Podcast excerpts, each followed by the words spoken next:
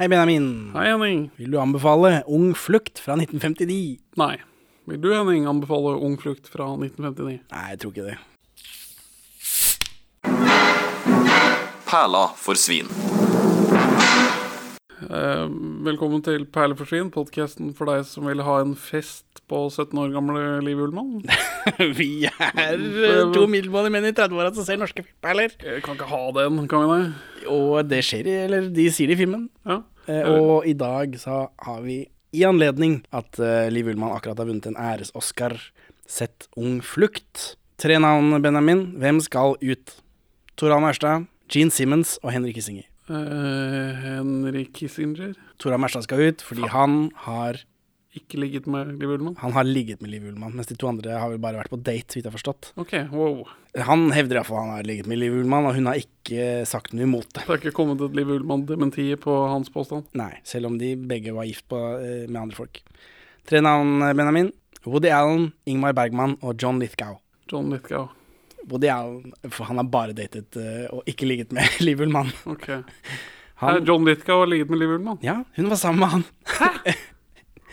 Så, men eh, Woody Ja. Allen eh, De datene med Woody Allen var eh, mest fordi Woody Allen lurte på ting om Ingmar Bergman. Så, Ah. så det, det, det er Liv, Liv Har du mer røyk?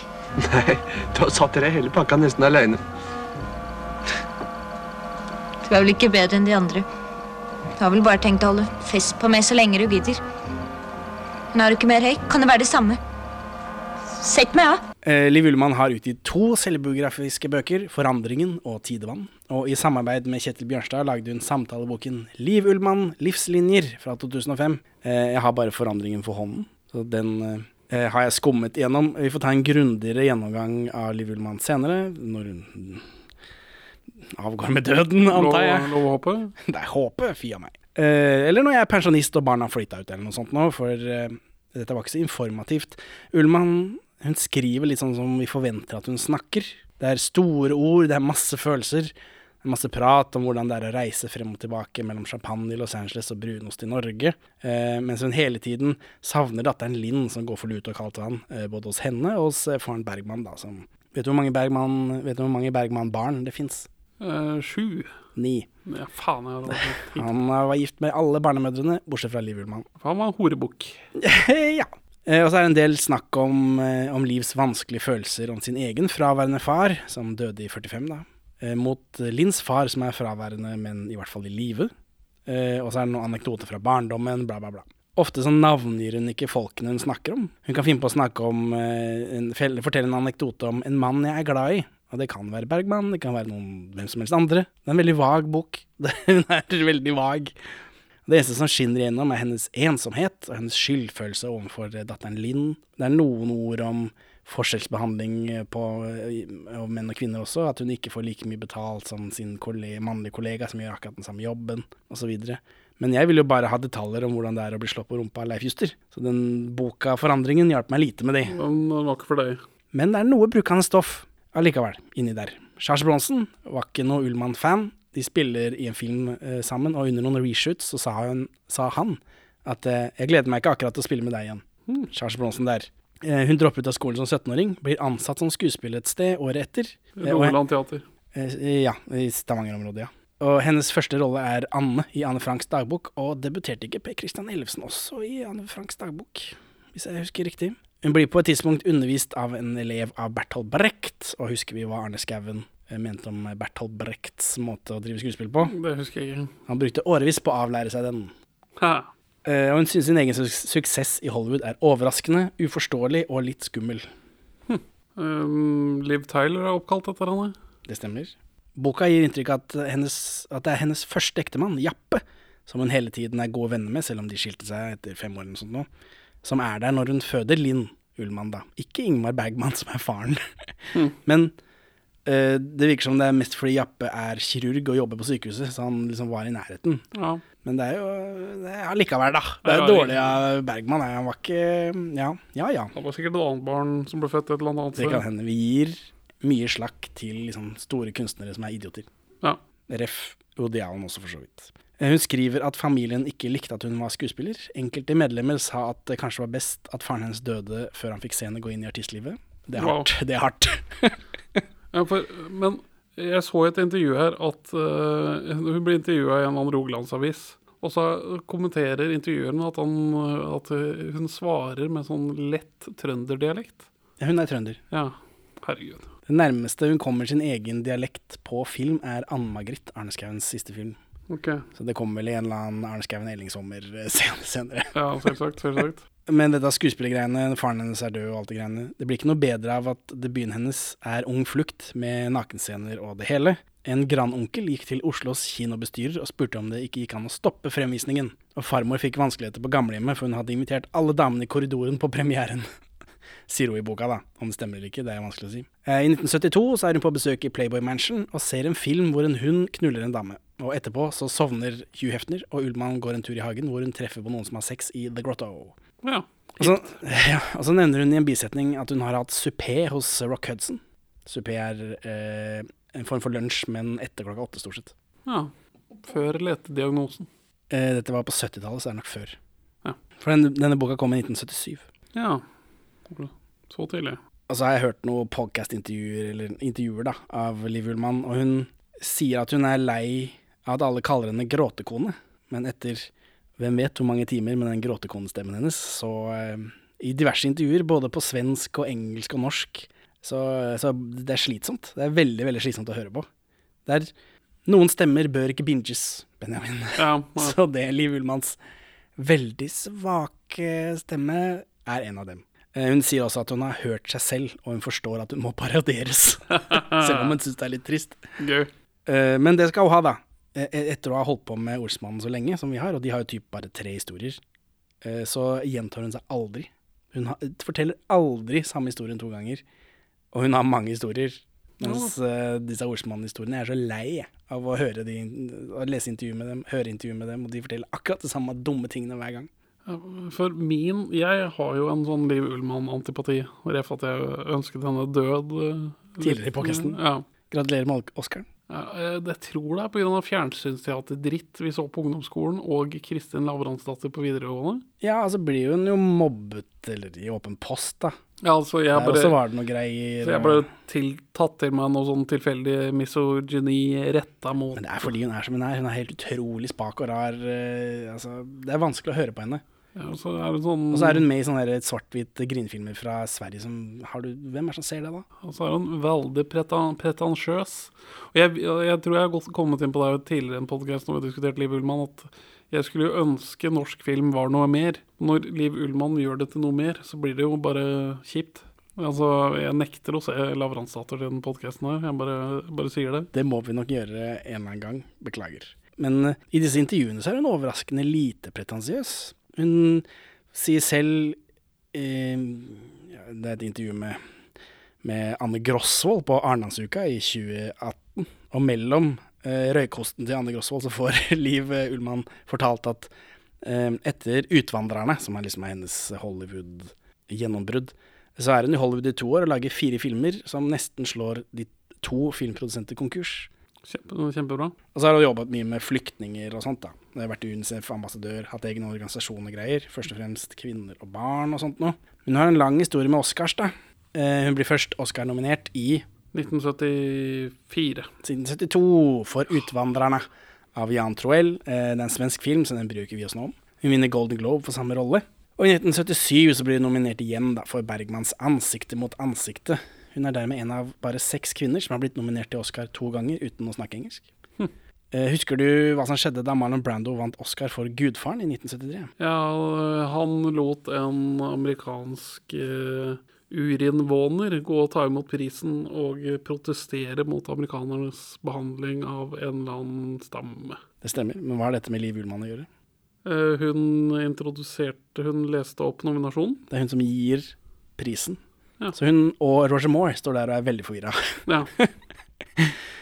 Eh, Og i 1977 så presenterer hun Oscaren for beste mannlige hovedrolle til Peter Finch eh, for Network, men han er jo død, da. Så hun har delt ut i hvert fall to Oscarer til folk som ikke tok imot. ja. Personlig. Er Ullmann Curse. Jeg vet ikke. I 2006 så har hun fortellerstemmen i den norsk-kanadisk produserte korte tegnefilmen 'Den danske dikteren', som vinner Oscar for beste animerte kortfilm.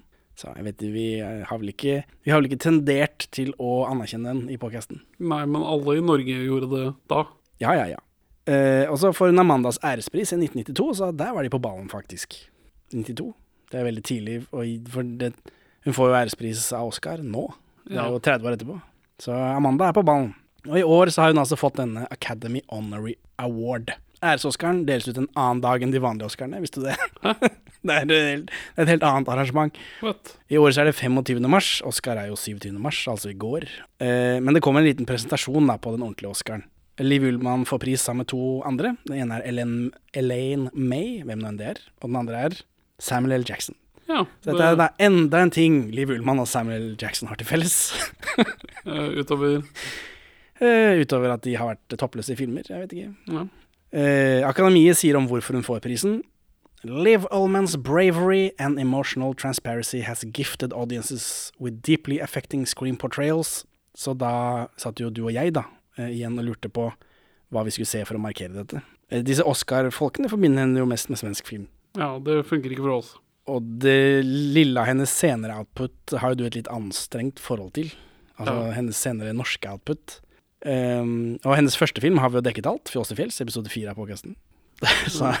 Litt feil film å se igjen. ja, hvor hun er ukreditert hotellgjest som Leif Juster slår på rumpa. Eh, Så da ble det hennes skikkelig debut. Hennes første hovedrolle, og krediterte rolle i det hele tatt, egentlig. Ung flukt. Edith Karlmars siste film. Ja. Edith Karlmar spurte Ullmann eh, før hun fikk rollen i Ung flukt om hun var jomfru, og det var hun. Eh, men hun ante at hun burde si nei for å få jobben, så hun løy. Og så fikk hun jobben, da. Det er litt sånn ufint å Altså, spørre. hun var ikke jomfru, altså? Eller hun var jomfru? Hun var jomfru, sa hun ikke var det, for å få jobben. Ja. For dette er jo en litt sånn tøsete uh, kvinnerolle. Kan jeg få låne bilen i kveld? Uh, hvor skal du hen? Gerd og jeg skal på kino, så tenkte jeg å kjøre en liten tur etterpå. Det er bedre av litt frisk luft. Det ser ikke ut som hun får for meget av det. Eh, I Ung flukt, eh, Liv Ullmann likte jo ikke å strippe, da, men det var nå jobben. Eh, Otto Karlmann likte dessuten at hun ikke hadde gått Teaterhøgskolen, så det kan vi sikkert være enig i. Men eh, hun har jo tatt igjen det da til gangs med å bli liksom selve parodien på en teaterskuespiller på norsk. Ja. Veldig. Hun har vel litt tendens til det her òg, men Og så er det dette med denne rumpa, da. For i støtt og stadig intervjuer så nevner hun eh, at det var jo veldig stor ståhei om at hun viste rumpen sin. En rumpe, som hun sier.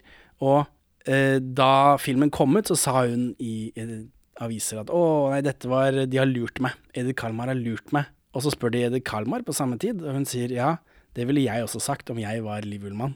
Og senere, da, i i en dokumentar vel om Edith Kalmar, så treffer hun Liv Ullmann igjen, og da eh, er Liv Ullmann veldig glad for at hun hadde sånn forståelse på den tiden. Så det syns jeg er et veldig vakkert øyeblikk. hadde sånn forståelse. Edith Kalmar hadde veldig forståelse for at hun løy om dette rumpegreiene på tiden. Hun kunne jo liksom satt seg på bakbeina og si nei, nei, nei, det stemmer ikke i det hele tatt, denne jenta bare ljuger. Men det gjorde hun ikke. Så det, var- det syns jeg var hyggelig.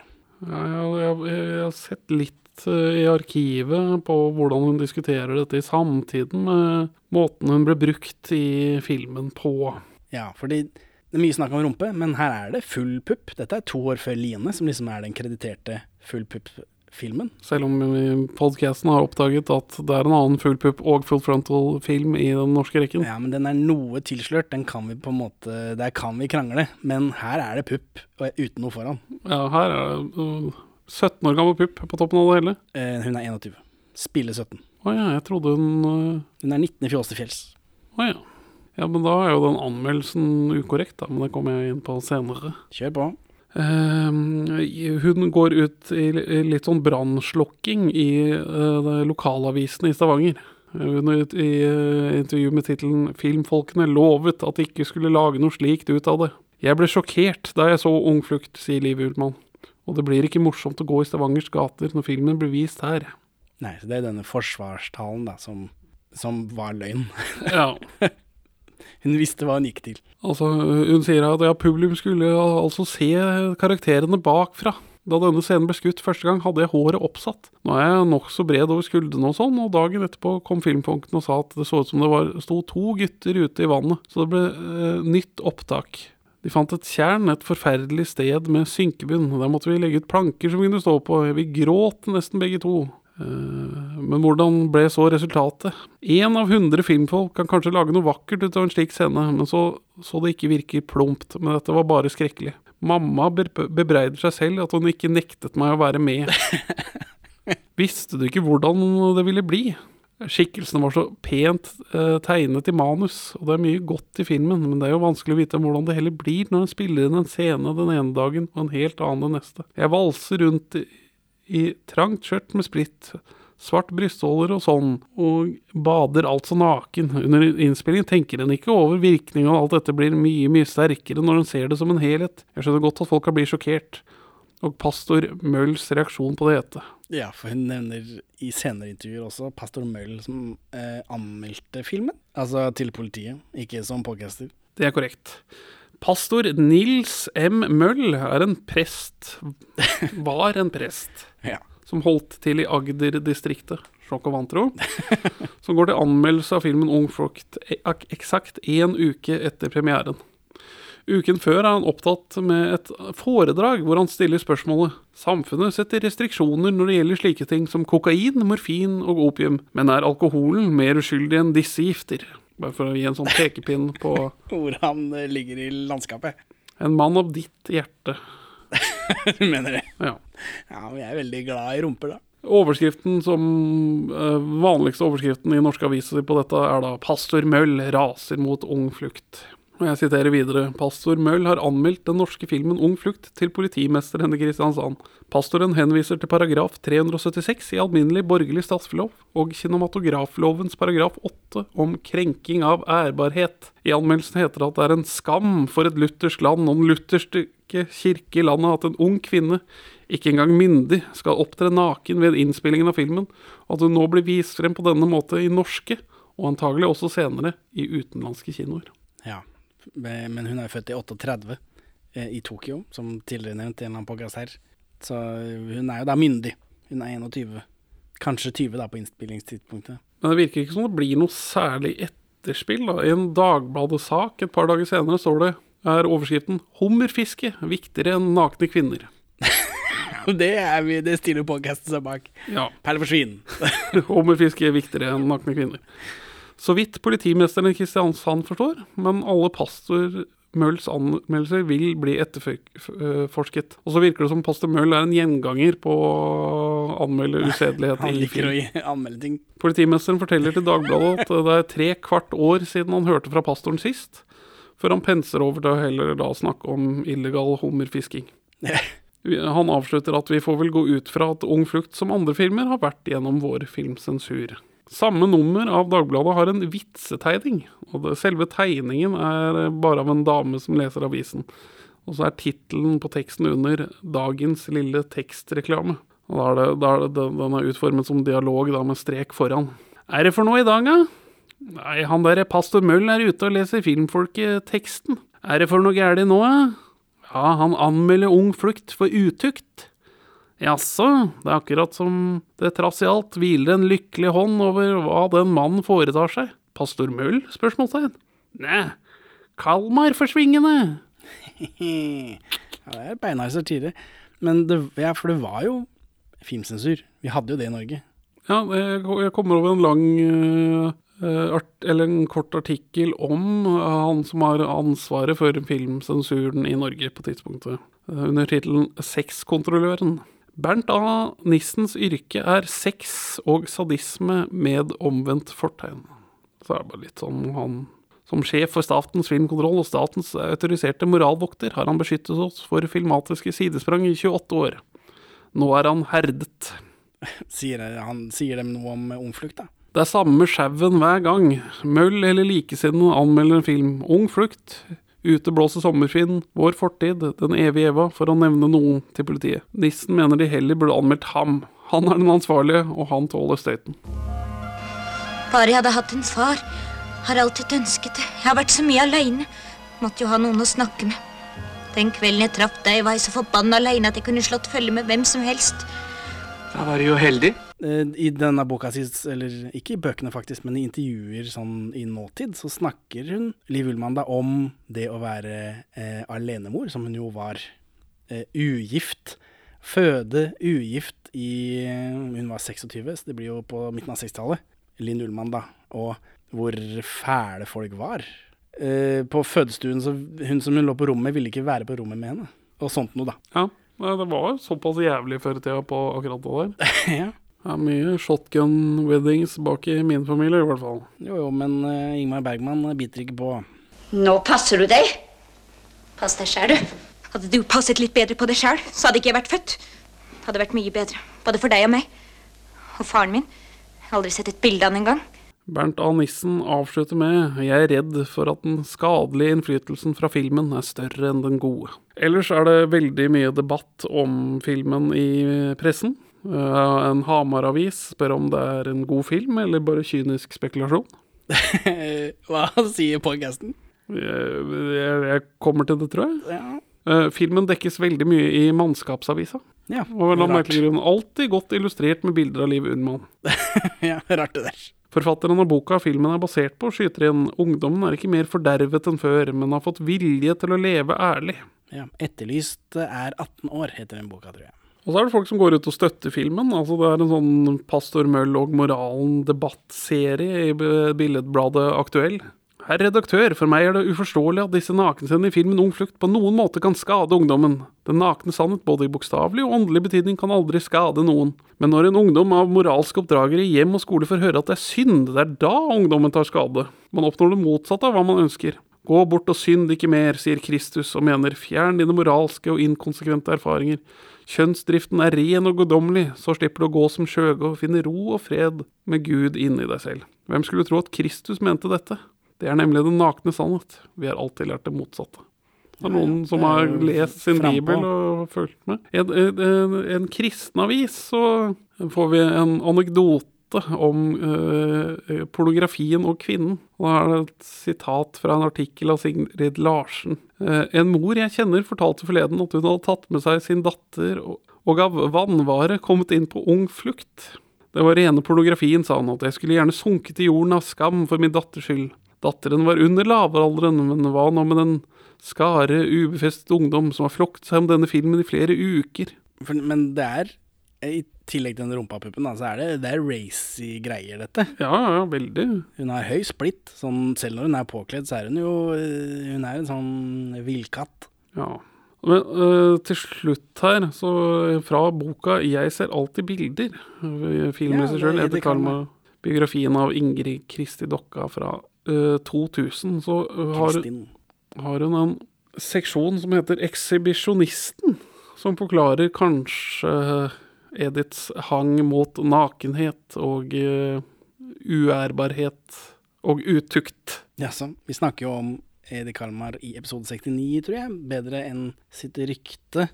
Eh, og hun var jo jomfru til bryllupsnatta som Ja. 18-åring, hvor eh, Otto Kalmar tok ansvar. Men ja, vi, kom, vi spekulerte mye i denne Eller jeg prøvde å dra opp Jeg ble sjokkert av å se så mye herrerumpe i den filmen.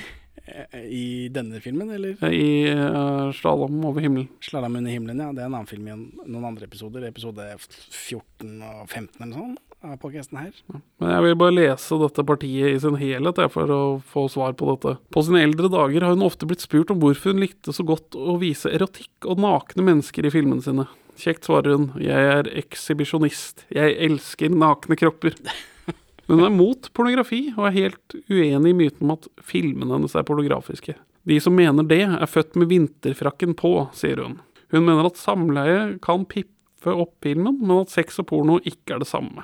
Edith Karlmar sier hun aldri har brydd seg om at mange kalte henne tvers, kalte henne tvers gjennom usedelig. Hun synes nakne mennesker er naturlig, pent og riktig. Ung flukt ble beskyldt for å være usømmelig.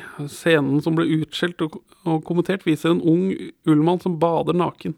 Hun leker og ler i vannet, og med dagens øyne ser dette naturlig og flott ut. Tja. Naturlig, kanskje er det ikke. lite den filmen her som er, men uh, helt ålreit var det. Disse Det var ikke sexy, det var ikke porr. Nei, nei, nei. Disse uskyldige bildene skapte et rabalder i pressen. Det kunne nærmest fortone seg som hets. Filmen ble til og med diskutert i Stortinget, men klarte jeg, det klarte jeg dessverre ikke å finne. Edith Karlner ble oppgitt over disse reaksjonene. Hun anså seg ikke som usømmelig på noen måte. Edith uttalte den gang jeg stiller meg uforstående til at nakenhet på film er noe galt så lenge det passer riktig inn i fortellingen. Jeg syns ting som foregår påkledt, faktisk kan være ti ganger verre. Det stemmer jo. Som for øvrig fant jeg et billedblad, jeg husker ikke hva det heter i farta, men som, post, som hadde delt opp norske filmer som bildenoveller over flere nummer.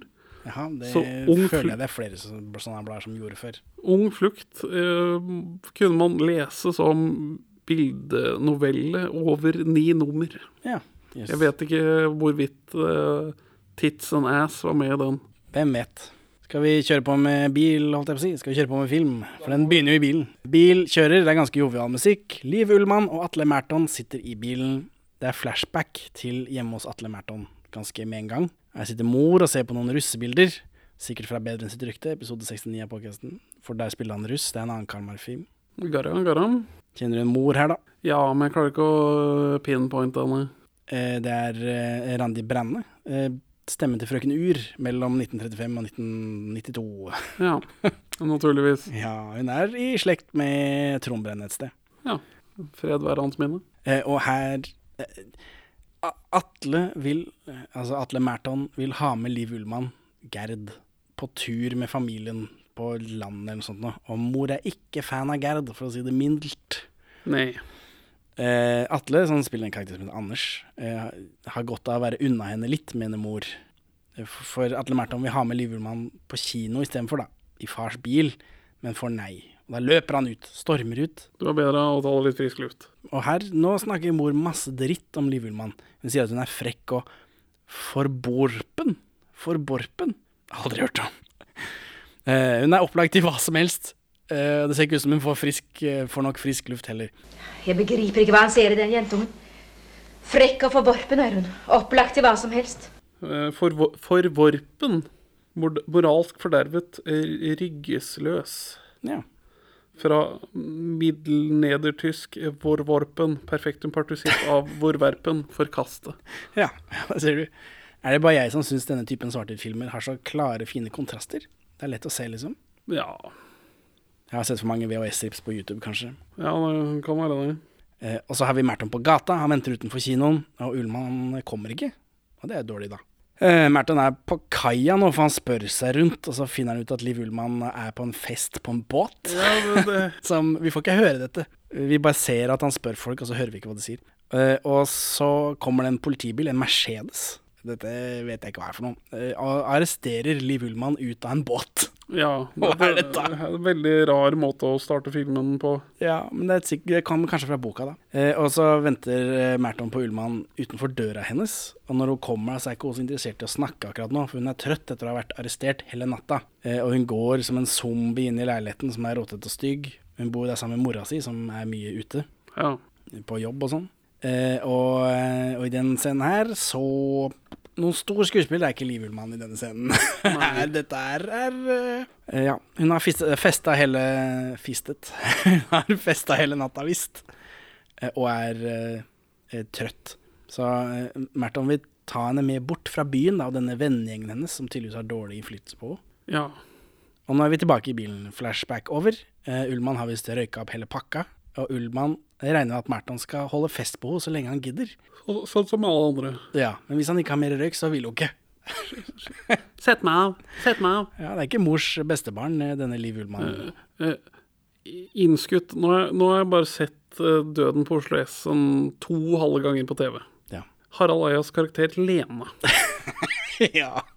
Er det mer basert på denne? Eh, Nei, det For- er mye det samme, altså. Ja, men han bruker det samme uh, måten uh, Harald å si 'kokka' på. Ja, og men det er det samme. Jeg tror de sa det på 90-tallet også. Ok, 80-tallet. 90-tallet. 1990. 1990? Ja. 1990 blank? 1990 blank. Men å koke det. Ja, nei, det, eh, det rare er at denne Oslo-slangen ikke har utviklet seg på de eh, 30 årene. Kokka er så jævlig mye vondere å si enn å bare si cola. Ja, ja, ja. Hva, hva er det for noe? Det det er slang. Det er kult. Det er sleng, Det er kult. Jeg vet ikke. Ja, vi ikke noe kokke, Det er bare noe Kom igjen, Appelle. Nei, ikke. Spa cabbe. Det er liksom, det er slang. Det gir ikke noe mening for oss som har vokst fra det. Spa cabbe er lettere å si enn deilig dame, da. Jo, Ja, ja. Ruller. Saus. Det sier ungdommen nå, hørte jeg.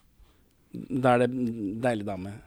Hvis hun er saus. Ja, og så knulle her og dunke. Og dunke noen. Ja, det har jeg ikke hørt noe om, men iallfall det er slang der. Og så nå stopper de for en fyr i veien. Dette er helt unødvendig, syns jeg. Ja, ja jeg kan Annet enn at det var Otto Kalmar, da, så da fikk vi ja. med han. Ja. Han lurer på om de har noe bensin til overs. De sier nei, og så kjører de bare forbi. Vi kjører på reserven alt. Å ja. Eh, Minner litt om den russiske invasjonen av Ukraina. mm, De kjører på reserven alle sammen. Liv Ullmann snakker om hvor skurkete hun er, eh, og så får vi flashback hjem. Og da er det flashback til når barnevernet er på besøk hos eh, Ullmann med mor.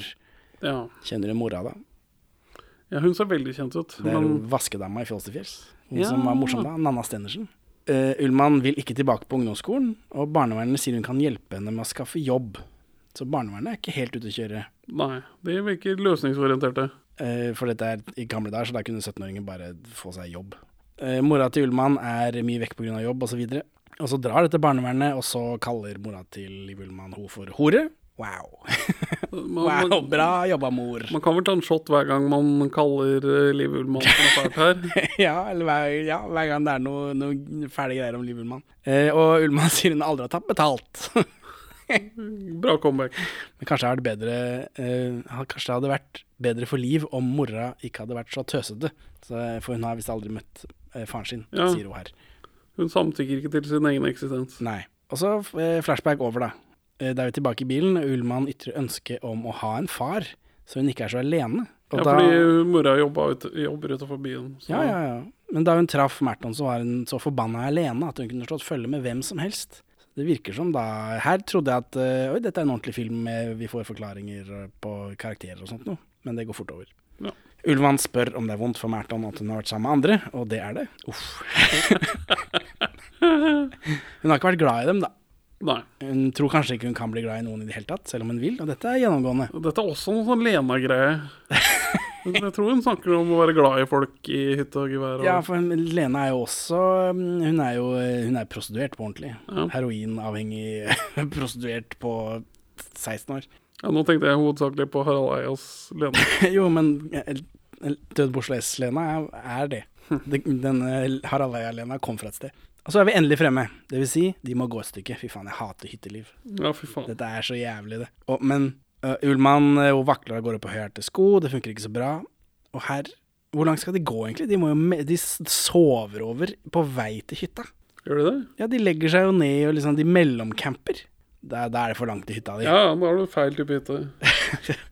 Så, men hjemme hos mor og far Merton så er foreldrene bekymret. Og her er et rart innklipp av mor som lager lunsj. Og dette er også gjennomgående, dette matgreiene. Ja, mat er viktig i Edith Karlmanns filmer. Ja, eller det er i hvert fall viktig her, fordi mor lager lunsj, og senere så skal jo far dra og lete, og da er han skal på jobben. Da må far, mor må lage frokost til han. Eh, Han skal dra på tur, Faen, skal jeg lete etter disse barna. Da må mor ha med pakke, niste den. Og senere når de kommer opp der sånn, så lager de sin egen mat og ordner og styrer. Hva er det, er det, Ja. det symbolikk, dette? Nei, vet du? Jeg, vet du hva? jeg har forklaringen. Otto Karlmar har kutta i matbudsjettet på studio, der han sitter og skriver manus, og han er bare sulten hele manus igjennom. Det kan hende. Og så er det mange sånn shot av mat her som ser ut som eh, produktplassering. Og det vet jeg ikke om de hadde på ja, det var 50-tallet. noe agro-produktplassering av Men hadde det på 50-tallet? Jeg vet ikke. Jo, Karl Karmar hadde. Karlmar hadde det. Eh, Merton og, og Ullmann går i en eng, da. Eh, Ullmann er barbent. Så tråkker hun i myra, og her får vi en helt utrolig ræva lydeffekt. Den skal jeg klippe inn her.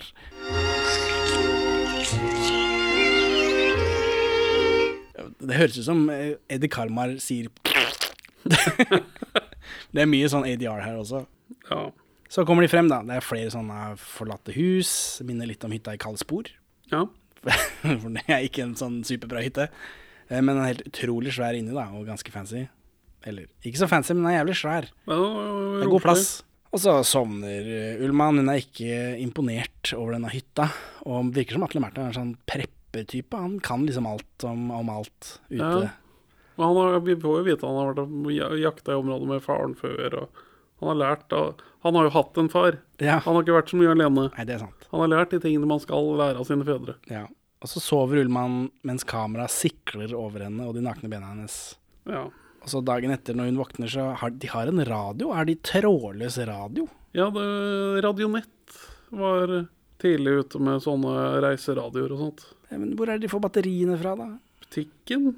De har med seg masse batterier, for de bruker den radioen hele tida. denne her har de uendelig med batteritid. Skjønner, skjønner, skjønner. Ullmann skal være vitne i den der båtsaken, så hun er redd for å bli etterlyst. Og så er det en del greier med det, men det blir aldri noe. Nei, for de sitter og lytter til, og så blir de kjempeglade når de Kveldsnytt har gått uten at de har blitt etterlyst. Så får vi også se foreldrene til Atle Merton diskutere om de skal etterlyse dem. Og så, nei, det blir ydmykelse og skam på familien. Ja, for der òg er det noe Noe der korn. Og så er det den der badescenen da, hvor vi får se den ordentlige puppen til Liv Ullmann, som jeg føler er veldig underkommunisert Ja, men til å være så mye rumpesnakk. Ja. Eh, det er for øvrig tolv grader i vannet, ifølge Mannskapsavisa. Oh, yes. Så det skal ikke ha vært noe hyggelig. At, Nei, de, at skuespillet i hovedsak går ut på å ikke klapre tenner. Ja. Men man ser jo nesten ikke rumpe i den scenen her. Nei, er Men- den scenen her det er rumpe, da? Men scenen etterpå, når de går tilbake, så får vi se rumpe gå i horisonten. Ja, OK. Og da er det ass. Men jeg ble veldig forvirra. Jeg så ikke den rumpe engang. Jeg tok den, sikkert notater. Den henger lenger enn tidsa gjør. Ja, ja. ja. Folk krevde mindre før. Ja, ja, det er det. Og det er, det er mye sånn De froliker rundt omkring, da. De liksom ruller i gresset, og de, det er god stemning. Eh, når Liv Ullmann ikke krangler eller klager, så er det ofte, ofte god stemning. Ullmann, Det er mye sånn sexy dansing fra Ullmann her, Ja. som er litt sånn ubehagelig å se på, egentlig. Eller? Det, det er rart. Ubehagelig ble vel feil. Liksom- nei, 50-talls sexy dansing er rart. Ja, nei, jeg syns det var litt pirrende. Men jeg trodde han var 17 år, så det er jo problematisk på sin helt egen måte. ja, ja. Eh, og så får hun et sånt smykke av tomme nøtter som Merton har lagd. Som skal være det kjærlighetssymbolet hans. Dette skal du ha på deg for alltid. For han hva, hva handler den filmen her om i det hele tatt? Altså, skal vi ha sympati med Liv Ullmann? Skal vi føle for henne? Jeg vet ikke, det, tenkte jeg å spørre deg om et, på slutten. Ja. Men altså, for nå er det den der, det er noen dansegreier, og så er det eh, flashbacks til båtdansing i Altså, hun danser på den båten i et ganske nice klipp, eller? For det går sømløst. Ja, ja, ja, det er kult grep som viser hvor hennes eksistens som skjøge. Da. At hun må bruke kroppen sin for å overleve i miljøet der alle bare vil ha en fest oppå henne. Ja, samtidig som hun da ikke har hatt sex på denne båten, selv om det høres jo ut som hun har hatt sex andre steder, men eh, Har hun ikke hatt sex på den båten? Nei, for det er jo viktig, det er litt av greia her, i denne scenen. For etterpå så bryter hun sammen, at liksom eh, ja, Hun gjorde ikke noe galt på denne båten, for det er, det er jo en anmeldelse, og det er jo, politiet er jo innblanda. Så, men akkurat Og så er det noe Det er jo denne dansescenen. Danse på hytte. God transition til båt. Tilbake til danse på hytte, og litt stripping, vel. Og så danse til båt. Han, hun blir bitt i puppen av en fyr. Og dytter han bort, og tilbake til denne strippinga. Den scenen her er for lang, Kalmar. Ja, dette, dette går for lenge. Men så, så skrur Merton av radioen, av musikken, og så slår han henne ut av en transe eller noe sånt. Hun har vel PTSD, da, fra alle festene som har blitt kjørt på henne. Hvis Er det kodeord for voldtekt? Det er jo ligging, i hvert fall. da om- om ikke det er verre. Eh, Hun sier gråtende at det ikke var noe med på den båten, hun bare danset. Så det her er liksom det, da. Ja. Skal man stole på Liv Ullmannen i den filmen? I hvert fall i Ja, i hvert fall i dette Her er du jo med på flashbacket, på en måte. Ja, Flashbackene lyver ikke. det er greit. Ærlige flashbacks. Eh, Så er det far Merton, han pakker sekken. Lensmannen lensmann har funnet bilen. Og mor sier Ullmann er en dårlig pike, og far sier at det er i så fall eh, Merton som gjør henne til en dårlig pike nå om dagen. Mm. Så, og han er litt sånn kul. Han vil ha frokost halv åtte som vanlig. Hva er det mategreiene? Jeg skjønner ikke. Jeg tror det er lite mat i kjøleskapet på Karmar AS. Det kan hende. Karmar film. Eh, Merton våkner dagen etterpå, og da er Ullmann borte. Så han løper av gårde. Han finner henne gående langs veien, for hun er visst på vei tilbake. Men så har hun også glemt at det tok to dager å gå dit, så jeg vet da faen, jeg. Jeg tror de bare tok seg en lur halvveis i en halvdagsmarsj. Rart allikevel. Ullmann tror eh, Merton bare vil ha henne, han er uenig, altså ligge med henne. Eh, For han er jo forelska og greier. Og Ullmann har også stjålet pengene hans, 100 kroner. Ja. Så hun er eh, liksom sluskete i tillegg, da. Og så får vi en scene hvor Merton plukker poteter mens Ullmann maltrakterer en sau. ja. For det ser ikke bra ut verken for sauen eller for henne, den eh, sauescenen her. No animals were harmed in the making of this film. Eh, og så kommer mora til Ullmann, og her får vi vite at hun heter Gertsen i etternavn. Gerd Gertsen. Det er ikke lov. Nei, det er ikke greit. Eh, For hun treffer da faren til Merton på toget, for hun skal også være med og liksom lete etter disse folka. Hvor er de hen? Nei, de er på hytta et sted. Det er uspesifisert. Og her kommer det fram da at liksom, mora syns det er vanskelig å snakke om seksuelle ting med datteren sin. Jeg visste ikke at de hadde ordet seksuell engang, på 50-tallet. Nei, jeg har lest en sånn sexbok fra 30-tallet. Og det, er så masse bra tips om å bruke margarin som glidemiddel og sånt. Jøss. Det er veldig friskt, da. Eh, Men nå har Merton poteter, og Ullmann har stjålet en sau. Og hun tvinger Merton til å fjerne bæsjen til sauen som har landa på stien, så ikke de skal liksom bli tatt. For hun er redd for å være etterlyst, osv. Ja, men De vil skjønne at dette er en fersk bæsj. Alle de andre bæsjene var jo gamle bæsjer. Ja, men eh, poenget med sin er at når han er borte, så sitter hun sammen med den sauen og snakker seg selv ned. Og hun snakker om hvor dum hun er, og hvor mye bedre Atle Merton er enn henne. Og jeg føler som om dette på 50-tallet var oppsnakk av han, og helt normalt at selvfølgelig er hun en dum pike, ser på henne sånn som hun holder på, men med mine postmodernistiske øyne så, synes så var det jo ubehagelig og vondt å se henne snakke sånn om at hun har så lav selvtillit eh, på seg selv for hun blir kjørt så mye fest på. Ja, det, det Jeg tror ikke filmen mener det. Jeg vet ikke hva filmen mener. si. Altså, Ed, vet Edith Karlmann hva hun gjør? Skal poenget være at hun er en frastøtende skjøge som trekker andre ned seg i søla, som den frastøtende skjøgen hun er? Ja, for det Eller skal, eller skal vi føle med henne som noen som har havna litt utenfor den ordinære moral? Ja, for det får jeg Men hun er fortsatt et menneske, liksom. Ja, for det får jeg ut av filmen, men ordene i filmen er jo det første. Ja. At vi ikke skal sympatisere med henne. Ja, for for det er jo bare mors versjon vi får høre. Og hun har jo stort sett bare ræva handlinger i hele filmen. Jeg... Altså Vi ser henne stort sett bare gjøre dårlige ting. Ja, til, helt til slutten Og ja, hvor hun- liksom får en liten sånn Hvor hun gir bort noen sko som ikke er hennes. Ja, er sånn- Hun eh, redder og er hyggelig med fantepakke i filmen. ja. Sitat 'samtiden, ikke egen mening'. ok. For han blir ikke kalt fant i filmen, han som kommer inn nå Nei. Bendik. Bendik. Men i boka fra 2000 så beskrives han som en fant som Ja, kommer. han får ta når det kommer til, for han skjønte jeg ikke noe av. Eh, mor Ullmann og far Merton har lunsj. De snakker om de unge. Tenk om det blir barna, dette greiene, for det er jo farlig, da. De unge passer seg mer nå enn før, sier de. Så, men i Søndagsengler så er det jo en kondom, og den er satt på 50-tallet. 59, tror jeg. Ganske nøyaktig dette året. Så de, det er- fins kondomer, det snakker du om i Søndagsengler. Vi er rett rundt hjørnet på den seksuelle revolusjon, Henning. Det er vi også. Og så Ullmann faller i elva mens de fisker, og når foreldrene faktisk kommer opp til hytta, så er Ullmann og Merton nakne. Og det er litt kleint, da. Fordi de froliker rundt omkring i gresset, og liksom de lever Adam og Eva-livet. Eh, og så får de kledd på seg, da. Og, eh, og her sånn Hun mora har masse rart å si. Og, Ja, for mora er Hun liker ikke dattera si, nei. tror jeg. Hun syns jo også det er vanskelig kanskje å ha vært eh, aleneforeldre, og hun bærer kanskje nag mot dattera si. Ja, Ikke at det kommer frem, det er noe jeg legger i det. men så er hun ikke Hun er liksom ikke ute etter å stoppe dattera fra å falle i den samme fellen som hun gjorde sjøl. Hun, er liksom, hun er litt sånn støttende og ufarliggjørende for hva som foregår. Altså dette umoralske Ada og Eva-livet. Hun syns det er liksom gøy og ha-ha. det virker som at hun vil at de skal få barn så de må feste seg Altså denne sluskefamilien får egla seg inn på dette Ja. gode Atle Merton skal bli ingeniør osv. Det virker som de liksom at hun vil hekte seg på dem da for å liksom En bakdør inn i en klassereise, liksom. Ja, ride their coattails. For da er de på en måte sikra. Det er det jeg fikk ut av dette. Det henger på grep. Um, uh, så, men mora til Ullmann kjefter bare på Ullmann. Sier hva faen er det du driver med, din jævla hore? Hore og så videre. Mens faren til Merton sier at um, du har skremt mora di, og er Ullmann egentlig noe å sam samle på? Du skal jo bli til noe, du er, skal bli ingeniør osv. Ja, jeg vet ikke. Jeg skjønner, vet ikke om denne filmen mener at Atle Mærton er noe som blir dratt ned, eller om vi skal synes synd på dette mennesket som har det vondt, Ja, det, ja, det som har hatt en vond oppvekst. det er han som er filmens helt, liksom. Selv om det burde være Ullmann, liksom. Ja. Eh, Og så er det spising igjen, da.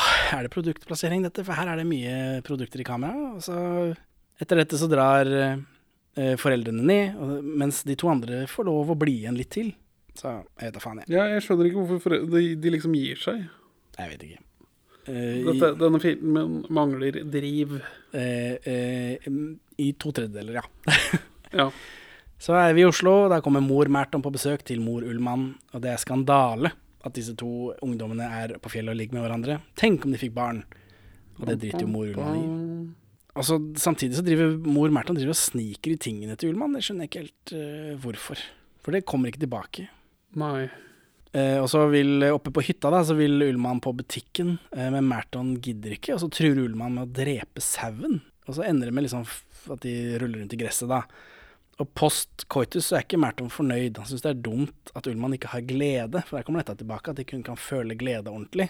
Ja, for det virker som at øh, når han nå har øh, hatt en fest på henne, ja. så øh, det virker ikke som hun har glede av at han hadde en fest på henne. ja, ikke nok, tydeligvis, da. Jeg vet ikke, er dette Hun lå der bare var planke og jeg vet ikke, Er dette du får ikke orgasmeglede, eller er det, det, virker ikke som du har noe glede av det? For hun har jo, De ruller jo rundt og er fornøyde. Ja, dette, betyr dette du får ikke orgasme? kanskje. Det er vanskelig å si når de er så vage på 50-tallet. Ja, men så er det kveld, og nå skal de slakte sau, og dette er en veldig intens og rar scene Ja, som kommer ut av ingen steder. Uh, altså, her skrur Her kommer det noen Hitchcock-grep inn, og musikken stiger, og nærbilder og Ja, det er Ja, for, for deg og meg, eller i hvert fall for meg, som ikke har så tett Jeg har ikke så mye nærhet til jorda, så slo det ikke meg at det de gjør er ulovlig. At de har stjålet en sau. For meg så er dyr bare ting som går rundt og lever livet sitt eh, som Assassin's Creed. Eh, men det er jo én ting, da. Det er ett lag i dette, at det er ulovlig det de driver med. Og så skal Ullmann holde liksom rundt hodet til sauen. Og ligger sitt eget hode inntil det hodet til sauen. Samtidig som Merton skal klubbe den i huet med en øks. Så jeg syns hun er farlig nærme. Ja, det virker ikke som måten å gjøre det på. Men det liksom, hun fjerner seg litt, eller det, De det er, ikke- har for- ikke noe problem. Burde gått for halvhalvmåten og bare tatt strupen og så holdt den etter beina. Ja, men de gjør det etterpå.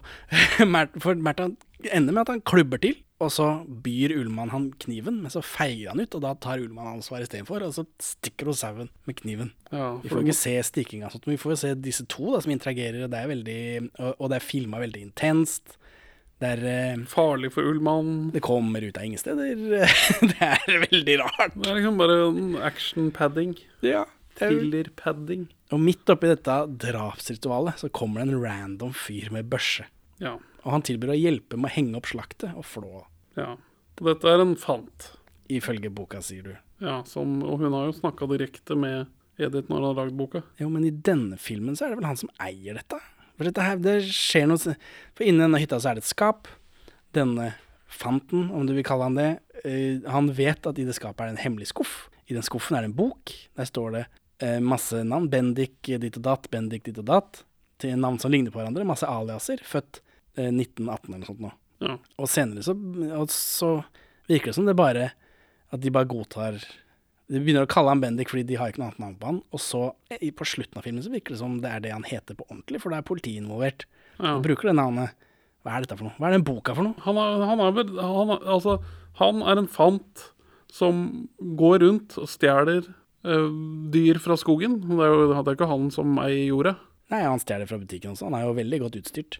Denne nedlagte husmannsplassen er bare en av stedene han sover mens han går rundt og stjeler. Ja. Er det det det er? Ja. Ja. For jeg syns det det var rart. og det er derfor han også driver med sånn mind games med de og prøver å psyke det ut. Ja. For han er jo bare, en, han er bare fantepakk. Ja, for det er nå filmen starter, tror jeg. Eller det er i hvert fall, jeg, jeg jeg- følte i hvert fall at nå skjer det noe. Dette, for nå blir det spennende, for nå er det liksom Han er jo en del eldre. Kjenner du han igjen, forresten? Han ringer en bjelle. Han spiller Morgan Rockefeller Holm Hansen jr. i eh, Olsmannens uh, siste kupp. Film Ja. nummer fire, eller? Han spiller den derre um, finansmannen. Ja. For denne fyren kommer, de flår sau, han gir Ullmann en røyk, han legger ham på henne. Han er en del eldre da, enn disse to. Uh, og så Han vil ikke ha på radioen, for det er bare snakk om vannstoffbomber og greier. Hydrogenbombe. Han er anti-atomkrig, det er bra. det er jo veldig bra. Men det er jo sikkert fordi han kanskje er etterlyst, tenkte jeg da, men hvem vet. Ja. Og så blir det til at han Bendik må, han sover på låven, da, fordi senga ikke er brei nok for tre, og det er ikke Ullmann for to, sier han. ja. Jeg skal sove på låven siden senga ikke er brei nok for tre, og du ikke for to. Ja, men det, det, det er grøvt til en film fra 50-tallet.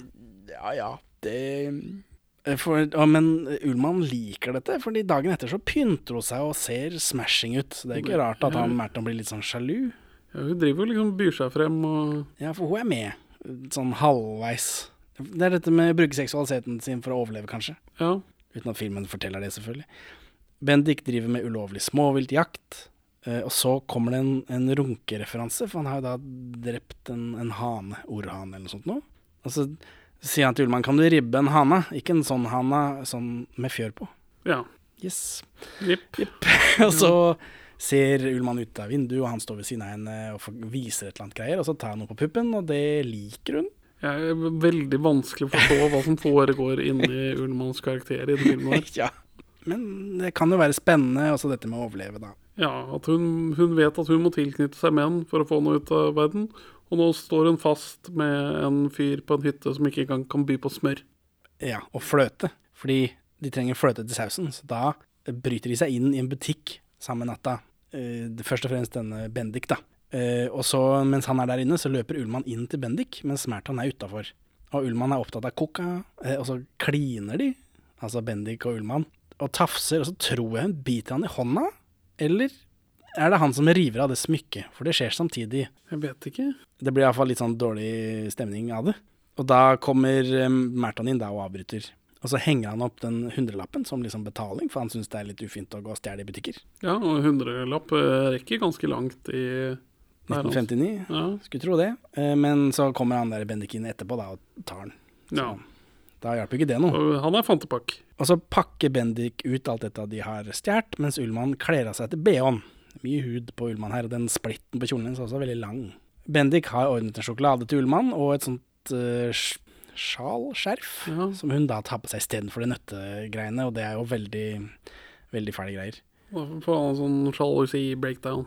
Ja, forståelig kanskje, eller? Det er jo det er ufint dette. Det er ikke riktig måte å reagere på, men det er jo også Jeg forstår at han blir sjalu. Men det jeg føler at filmen har fortalt meg nå, er at pure, edle Merton har blitt korrumpert av å omgås med Ullmann. Det virker jo ikke som, for han har jo veldig trøbbel med dette innbruddet de har begått. Han har samvittighetskale, liksom. Ja, ja, men han ville jo ikke gjort det i det hele tatt om det ikke var for Ullmann. Nei, men han gjorde det jo ikke. Han var jo inne der og hang opp en hundrelapp, på en måte. Ja. Men Nei, man hadde ikke gjort det heller, men det virker noe som hun tiltrekkes disse sluskete folka, da. Så går de og bader, de svømmer, og her prøver Ullmann å ta livet sitt. Eller? Fordi hun Ja. liksom Ja, jeg skal svømme til ikke jeg kan orke mer. Uh, og Gattaca. Gattaca. Gjør det Gattaca? Det gjør det Gattaca. Uh, Oslo 31. august. Ja. Var nærmere i mitt hode, da. Men, Ja, Ærlig sak. Eh, Merton sier at hun er ei purke, hun sier hun vet det. så ja, ja. Ta en shot shot. Tilbake på hytta så sniker Ullmann seg inn til Bendik på låven. Hun vil at han skal ta han med seg. Bendik drar henne ned i høyet og sier jo. Hun sier nei. Det er Dårlig stemning. Så er det litt sånn voldtektsforsøk, og så går ikke det, og så slår de hverandre. Og Ullmann vil fortsatt være med han bort, selv om han lover å voldta henne da. Ja. Rar scene. Rar scene. Ikke noe forklaring på dette. Ikke Nei, noe symbolikk eller noe det- psykiske greier. Nei, det er bare det at hun prøver å klatre i hierarkiet av menn som kan tilby henne ting i bytte mot seksuelle tjenester. Da. Ja, men hun vil, jo ikke, det vil ikke, hun vil jo ikke gi sine seksuelle tjenester til denne fyren, samtidig som han lover å voldta henne hvis hun blir med. så jeg vet ikke, jeg skjønte ikke. Kanskje hun, ja, hun holder det igjen så hun faktisk blir med. Vet ikke. Uvisst. Ullmann setter seg på en stein. Merton kommer ut og lurer på hvor hun har vært. Sier at eh, om han Han sier at om hun går til Bendik, så dreper han henne. Ufint. Ufint. Og så kommer mora til Ullmann på en jævla fet moped. Ja. Den er jævlig stilig, igjen. Ja. Uh, og da sier hun at de blir henta dagen etterpå. Herregud, tenk for en vei hun har kjørt på med den mopeden. ja, ja, ja. Og, så, og nå lager de mat igjen. Nå er det den der orrhanen, for nå har de jo fløte og greier.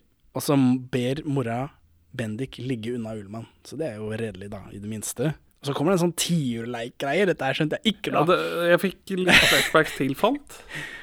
Ja, for der òg er det noe sånn hvor han later som han er dyr. Ja. Mm, for her Bendik later som han er tiur, tror jeg, og liksom går rart på gulvet. Og så har vi en sånn flamme i, midt i kamera, og så blir Trollbinder han Ullmann og mora, for de blir også med på dette. Mens Merton er liksom bare hva, hva skjer nå, egentlig? Hva er dette for noe? ja, dette var kjemperart. Ja, og det foregår eh, for lenge. Altfor lenge. og, så, og, og så er det dagen derpå, og da sniker Ullmann seg ut. Og så kommer lensmann på motorsykkel med en annen lensmann bakpå. Kleint at ikke de har to. Eh, Bendik og Ullmann pakker i panikk, og så gjemmer de seg på taket av låven, for de er jo på låven, da. Og så er Merton og mor Ullmann eh, blir liksom tatt. De blir med ned til lensmann. Mm, og Merton lyver for å dekke over for Ullmann.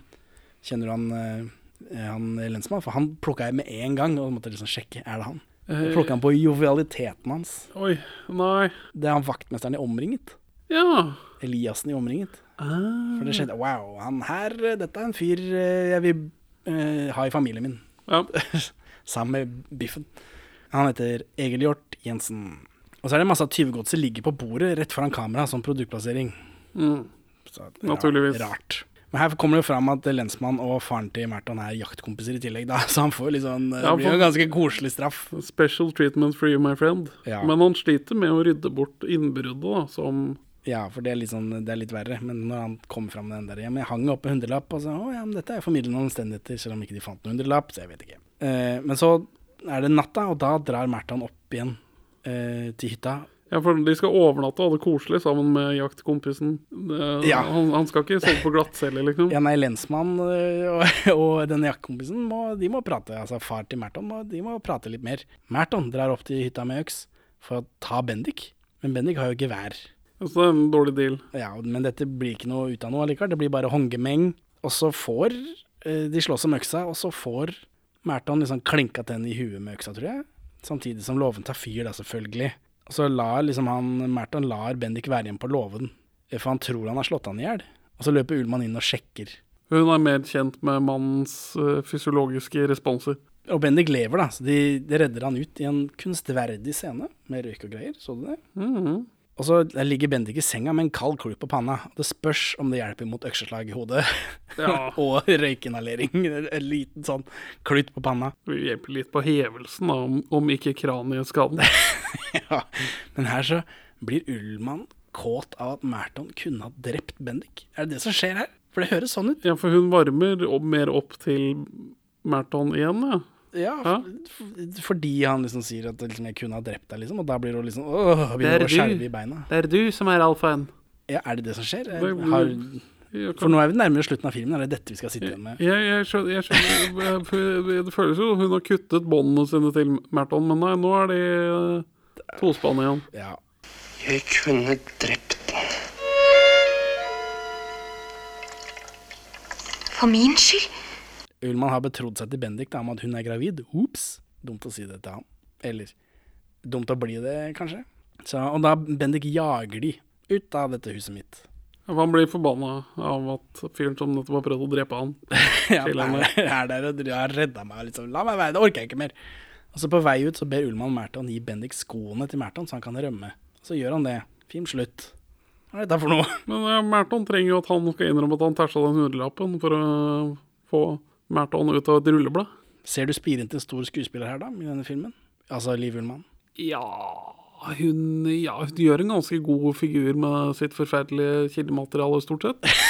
Gjør hun ikke det? Jo, det er kunstig og rart, men Det er ikke bare ræva, liksom. hun er jo gjenkjennelig Liv Ullmann, så det er jo gøy. Ja. Hun er den en, en yngre versjon av den parodien vi alle kjenner. ja. Eh, altså, ja. Men eh, hvorfor vil du ikke anbefale denne filmen? Han har Null driv, da. Det, det, er, det, er en ha, det er harde 90 minutter å lide seg gjennom. Og den er interessant fra et historisk perspektiv, som vanlig med alle disse Gamlis-filmene. ja, stort sett. Det gir jo ikke noe glede. Det er ikke nok tits and ass til å liksom bære det kun på exploitation-faktoren. Er dette en exploitation-film? Når folk sier at Karma lagde spekulative B-filmer, så er det dette de snakker om, er ikke det? Det er ikke Fjols til fjells, episode 4 av podkasten. Slalåmen i himmelen, episode 13 og 14 av podkasten. Bedre enn sitt rykte er kanskje litt mer spekulativ, men Liv Ullmann her oser jo sex, og, Ja. kam og kamera vil ligge med henne. Ja, Så er det? Er det, det? ja det må jo være det. Gjør denne filmen narr av mors kvinnesyn? I, altså mor Merton? Ja, det tror jeg. Gjør den det? Eller mener den at Liv Ullmann er en skjøge for Jeg vet ikke. pruppret, eller hva det ordet var? Ja til begge. Altså Rett rett av ekshibisjonistgreia jeg leste om Eddie Carmen her, er jo at altså, Det kan jo hende at hun er for kropp, men, men mot pornografi. Så er det en eller annen sånn gyllen linje med seksualitet innenfor ekteskapet er bra, men skjøgehet dårlig. Det kan jo hende. Så Henning, hvorfor vil ikke du anbefale denne filmen?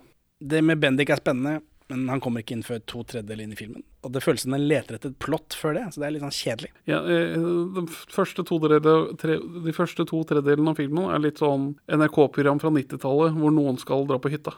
Litt sånn Gutta på turer-aktig. Ja, men så er det mye dette skjøgegreiene til Liv Ullmann også, da. Så jeg tror det er det folk fikk ut av det. Ja, men det, det, har ikke det, for meg så er det litt kjedelig. det har ikke det samme kruttet i dag. Nei. Alle er jo skjøger. ja. Oss to podcaster inkludert. Du er gift. Jeg lever et skjøgeaktig liv. Så vil jeg minne om eh, konkurransen vår. Du kan vinne. Og dette er siste uka. Den går ut mars, dette. Vinne verdens verste menneske på Blu-ray. Må sende inn full rating på hvilken som helst app under hvilken som helst konto på screenshot til oss. Så får dere et lodd. Dette loddet går inn randomizer. Og så trekker vi igjen eh, ja, i slutten av mars, da, om ikke så mange dagene. To ekstra lodd om man også skriver en anmeldelse. Det er helt riktig. Og det er egentlig slutten på Oscar-coveren vår. Jeg antar at det ikke blir så mange av de fremover. Nei, at det er ikke noe vits i å holde pusten. Eller er norsk film inne i en oppsving? Det eh, tviler jeg på. Gratulerer, Liv Ullmann. Gratulerer, Liv Ullmann. Ha det bra, Benjamin. Ha det bra, Henning. Takk for at du hører på Perler for svin. Du finner oss først og fremst på perleforsvin.no, men også på Twitter under perler-for-svin, Facebook som perleforsvinpod, eller du kan maile oss på perleforsvinpod at gmail.com. Gi oss gjerne en eh, rating i din lokale podcast-avspiller, og, og legg igjen en beskrivelse, så folk skjønner hva det er for noe tull vi egentlig driver med. Her er ukas Pål Bang-Hansen-sitat ute av kontekst. Vi har forflyttet oss til Stavanger, hvor det finnes videobutikker i de forskjelligste varianter. Her finnes det norsk tekstet film, parallellimport og pirateri i skjønn blanding. Og jenta og guttene møttes ved ei grind. Og jenta sa formanende, nå slipper jeg deg inn. Men gjør inte det du angrer, ty da faller tiden lang. Gjør inte det du angrer, ty da faller tiden lang. Om morgenen sa gutten alt til sin lilla venn. Nå må jeg reise fra deg, men jeg kommer snart igjen. Så gjør intet det du ångrar, ty da faller tiden lang. Gjør inte det du ångrar, ty da faller tiden lang. Ta på deg blusen. Det er så varmt, Anders. Og jenta og gutten dro sammen til en prest. Da kom det ifra skauen så forunderlig en blest. Å, gjør inte det du angrer, ty da faller tiden lang. Gjør inte det du angrer, ty da faller tiden lang. Og så, og så starta jo Simpsons på TV-programmet hans. En gang til. Simpsons startet på. TV-programmet til Liv Ullmann. Det er Liv Ullmann Show. Ja, skjønner. Jeg skjønner. Klipp det ut.